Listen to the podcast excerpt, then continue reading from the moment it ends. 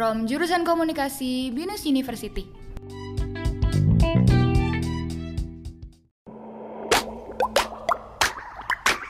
Halo semua, selamat datang di Aktif Sandi Podcast. Perkenalkan, nama saya Kesan, dan saya akan menjadi host speaker Anda untuk podcast ini. Bergabung bersama saya, ada Calvin dan Devon yang akan menjadi guest speaker untuk podcast ini. Halo Calvin dan Devon, apa kabar? Halo. Ya, halo, baik. Luar biasa. Bagaimana? Gimana gimana? Baik-baik saja. Ya, Ya, betul biasa. betul. Pada episode pertama podcast ini, kami akan membicarakan mengenai apa itu cyber security, kasus mengenai Bank BSI, dan cara menjaga keamanan data, serta kemampuan pemerintah dalam menghadapi serangan hacker. Kamu perlu lama-lama lagi, ayo kita langsung masuk saja. Cyber security adalah segala proses dalam melindungi program, data, sistem, maupun jaringan Anda dari ancaman hacker. Kalau menurut pendapat kalian sendiri nih, cyber security itu apa sih? Dari Calvin, menurutmu apa itu cyber security? Oke, eh, kalau menurutku ini simple ya. Aku akan menjawab secara simple ya, singkat aja. Nah, cyber security itu menurut aku eh, keamanan ya, keamanan atau ya namanya security juga adalah keamanan sebuah cyber ya di sebuah perusahaan kayak nanti kita juga akan bahas BSI, kita juga akan membahas beberapa kasus yang ada. Jadi ya menurut aku cyber security itu adalah keamanan internet dalam sebuah perusahaan. Itu sih kira-kira Kesen. Oke, baik. Kalau Calvin, menurutmu apa itu cyber security? Kalau gue sih eh, cyber security itu kayak ngebantu memastikan kalau informasi lu itu nggak jatuh ke tangan yang salah gitu. Oke, saya lanjutin ya. Eh, jadi bisa dibilang eh, cyber security itu merupakan eh, kayak suatu keamanan gitu atau segala cara dalam eh, melindungi data kita. Hmm. Ya, baik. Ya, ya. Kalian sudah dengar belum eh, mengenai kasus BSI? Iya sih. Yang sempat viral itu ya. Bulan Mei kemarin. Hmm. Jadi uh, salah satu bank BUMN dengan uh, jumlah salah satu nasabah yang terbesar yaitu Bank BSI itu mereka mengalami error pada sistemnya yang menyebabkan proses uh, transaksi itu tidak bisa. Namun uh, di kemudian harinya it, uh, diketahui bahwa itu merupakan ulah dari sebuah kelompok hacker. Ini saya akan uh, baca peristiwanya lebih detail ya. Pada Senin 8 Mei 2023, nasabah PT Bank Syariah Indonesia TPK melakukan sejumlah layanan, yaitu tidak dapat melakukan transaksi baik di BSI Mobile, ATM, maupun teller. You know that. Uh, pada Selasa 9 Maret 2023, pihak BSI menyatakan bahwa mereka sedang melakukan maintenance pada sistemnya. Dan di hari itu, layanan perbatian mereka sudah pulih secara bertahap. Namun, di keesokan harinya, ternyata masih terjadi error yaitu pada layanan BSI Mobile yang tidak bisa diakses sama sekali. Pada Kamis 11 Maret 2023, Bank BSI baru menyadari dan memberi info bahwa ternyata yang menyebabkan layanan error selama ini adalah karena uh, karena serangan cyber attack. Namun, Direktur Bank BSI mengatakan bahwa saat ini layanan sudah bisa diakses kembali. Pada Sabtu 13 Maret 2023, sebuah akun Twitter bernama Vision Intelligence Center atau Tracer menyebut sebuah kelompok pertas spesialis ransomware bernama Lockbit 3.0. Nah, mereka mengaku telah melakukan serangan ke sistem layanan BSI sehingga membuat adanya gangguan pada sistem perbankannya. Kelompok Lockbit ini mengaku bertanggung jawab atas gangguan layanan BSI, menyatakan bahwa itu adalah akibat dari serangan mereka. Mereka mengaku telah mencuri 15 juta data pelanggan, informasi karyawan, dan sekitar 1,5 terabyte data yang ada dalam sistem BSI. Prioritas BSI sekarang adalah untuk menjaga keamanan data dan dana nasabahnya.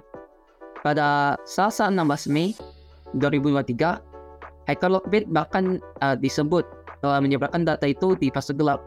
Sebelum data tersebut disebar, Lockbit mengaku telah bernegosiasi dengan pihak BSI.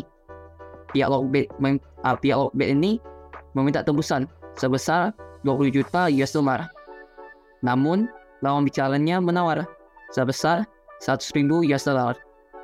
Dan sampai saat ini, belum ada lagi informasi terkait dari Bank BSI mengenai peristiwa tersebut. Hmm. Ya, secara keseluruhan dari kasus ini, saya ingin tanya deh, apa pendapat kalian uh, mengenai kasus tersebut? Dari Alvin dulu deh. Dari aku ya. Menurut aku ini sih kayak mungkin ini aku gak uh, menjelek-jelekkan pihak mana pun, tapi menurut aku di dalam Indonesia khususnya bagian cyber security itu masih kurang jauh sih. Jadi uh, gak menutup kemungkinan perusahaan-perusahaan uh, salah satunya yang perusahaan Bank Indonesia dan sebagainya itu bisa diserang sangat gampang. Dan apalagi kita tahu kalau data itu sangat mahal di zaman sekarang.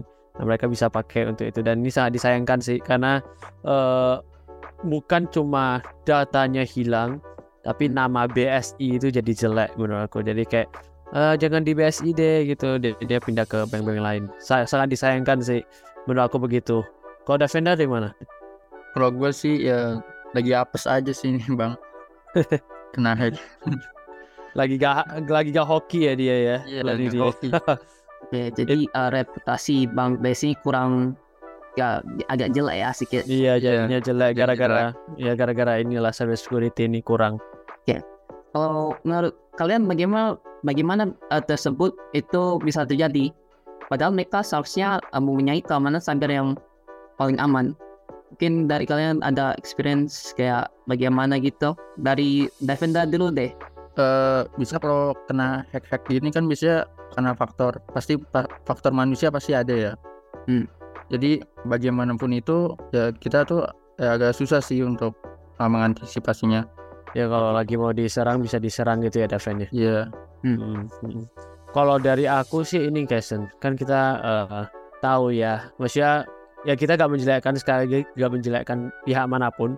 Tapi kalau mau bilang yang paling aman kan kita gak tahu emang BSI itu paling aman kita gak tahu gitu. Ya.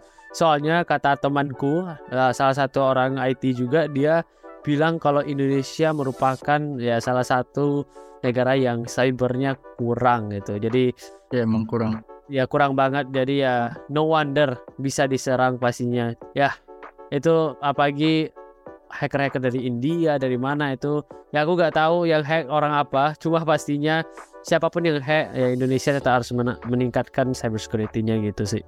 Oke, baik. Kalau ini pendapat aku sendiri, aku dapatnya dari mungkin salah satu dari seminar atau acara yang saya kunjungi, katanya kayak bahwa cyber security mereka itu bisa ya cyber security kita sekarang itu bisa diserang secara mudah kalau dari dalam. Kalau dari luar tidak bisa karena kita sudah mereka berpendapat bahwa kita sudah mempunyai cyber security yang paling kuat tapi kalau uh, jika ada orang yang mas uh, yang infiltrate dalam kayak company kita kayak secara diam-diam kayak misalnya sebagai karyawan deh terus moving air hub itu terus bisa akses ke salah satu data yang data yang paling sensitif kita itu bisa itu bisa diserang secara gampang. Itu yang aku dapat dari salah satu seminar saya. Berarti dia kayak imposter gitu ya bisa dalam Imposter. Eh, di imposter ya. Hmm, kayak inimu ya profile picturemu. Imposter oh, Mas. benar. oke back to topic lanjut Sen. Oke, menurut uh, kalian apakah ke keamanan data pri- pribadi kita sekarang uh, sudah aman? Kalau Kapin dulu deh. Oke, kalau menurut aku aman gak aman itu sejauh ini seharusnya aman karena juga ya kita juga jangan pakai aplikasi yang aneh-aneh, link yang aneh-aneh kita ketik. Ya sejauh ini seharusnya aman. Ya aku percaya teknologi yang aku pakai atau gadget yang aku pakai, sistem yang aku pakai itu bagus. Jadi menurutku sejauh ini aman. Tapi ya kalau hackersnya ya pasti ada yang lebih pintar, lebih pintar, lebih pintar. Nah itu ya harus Indonesia harus inilah menghadang itu ya kayak kasus beberapa kali kominfo jebol dan sebagainya tapi aku percaya Indonesia bisa bangkit lagi gitu sih Oke, kalau Davin uh, bagaimana? Boleh kas kasih tambahan cara bagaimana uh, menjaga keamanan data pribadi kita lebih aman gitu? Iya iya. Bisa sih kalau Google ya. Kan kita sekarang ada namanya two factor authentic ya. Jadi kita keamanannya kema- keamanannya itu dijaga dua kali kan. Nah, menurut menurutku sih eh, semua orang tuh harusnya pakai kayak gitu semuanya di mana pun itu kayak gak cuman di Google doang, tapi di aplikasi lain lah harus pakai two factor authentic sih. Jadi biar keamanan lu eh, dijaga double gitu. hmm. Oke, jadi uh, menggunakan two factor authenticator untuk menjaga rekaman kita lebih aman ya. Iya. Ya. Menurut kalian apakah lembaga-lembaga pemerintah maupun BUMN yang lainnya sudah mampu dalam mengelola database masyarakat? Waduh. aduh, aduh dia agak, Agak bahaya ya. ya? ya, agak bahaya ya sudah. Tapi gini, tapi gini, kita ngobrolnya gini aja. Eh mungkin sekarang udah jauh lebih oke daripada kemarin ya. Eh, Kalian ingat gak sih yang kasus-kasus ini pas kita masih pakai aduh aplikasi apa itu yang untuk masuk ke mall harus scan barcode untuk Oh, aduh.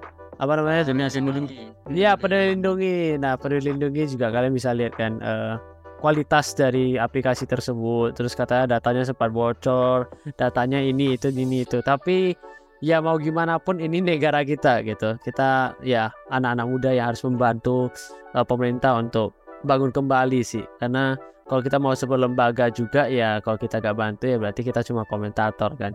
Nah, tapi menurut aku sekarang udah jauh lebih oke dan jauh lebih baik gitu sistemnya. Kalau Devin? Ya hampir sih. Cuman nanti kita lihat aja nih kalau misal masih kena hack ya gimana ya tuh. Ya, semoga uh, kita uh, data kita itu dipegang sama uh, Ya. Tuhan ya. Yes, orang yang benar lah, jangan impostor-impostor lagi.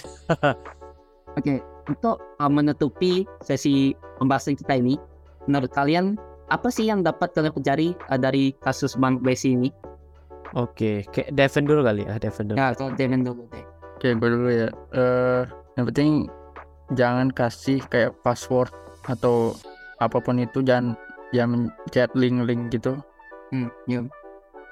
Ke penting hindarkan aja. ya. Iya. Apalagi yang kayak sekarang kan di WA tuh katanya juga banyak tuh eh, penipuan ya. Nanti juga apa ujung-ujungnya bisa dihack juga kan. Info hati-hati aja. Ya, sekarang aku lagi dapat banyak message ini. Katanya aku dapat 50 juta rupiah. Nah, ya itu hati-hati tuh, itu hati-hati. Hmm. Kalau Calvin? Kalau aku tadi pertanyaan ya, ya apa yang dapat aku pelajari dari kasus Bank BSI ya, benar ya? Iya benar. Oke, menurut aku yang bisa dipelajari banyak sih, banyak banget karena eh, ke depannya kan ya namanya dunia pasti berkembang ya, teknologi juga pasti pasti berkembang. Ya namanya bentar lagi ada AI, ada ini mungkin sih listrik kita sekarang udah ada smart home dan sebagainya. Tidak menutup kemungkinan kita bisa dihack gitu. Hmm. Nah, untuk eh, menjaga itu yang kita pelajari dari Bank BSI ya tetap upgrade ya untuk perusahaan-perusahaan besar juga. Mungkin kita sebagai konsu eh, konsumernya ya upgrade tetap cyber security-nya jangan dianggap eh, sepele jangan dianggap remeh jangan dianggap ah kecil ah gampang. Jangan dianggap gitu karena ini juga berbicara mengenai kehidupan seseorang ya karena bisa di hack HP dan sebagainya. Kamera itu berbahaya banget. Jadi ya eh, dari BSI ini kita belajar kalau cybersecurity itu sangat penting dan orang yang jadi hack ya jangan jadi orang jahat lagi lah ya jadi white hat aja jangan jadi black hat begitu Ya semoga di upgrade lah ya. Aku nggak mau lihat muka saya dipegang sama akun sosial media oleh yang lainnya. bener Eh, itu serem sih itu. serem sih Nah, kita sudah pada akhir ujung podcast ini. wow cepat sekali oke lanjut Iya.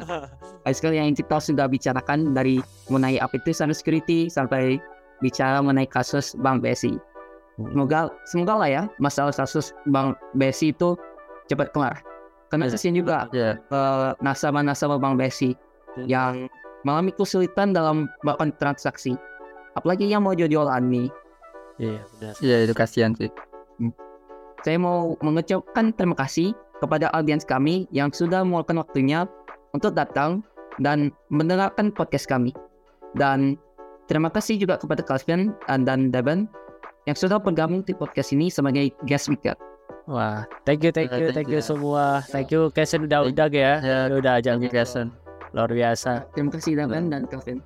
oke bye bye Goodbye, goodbye. From jurusan komunikasi Binus University.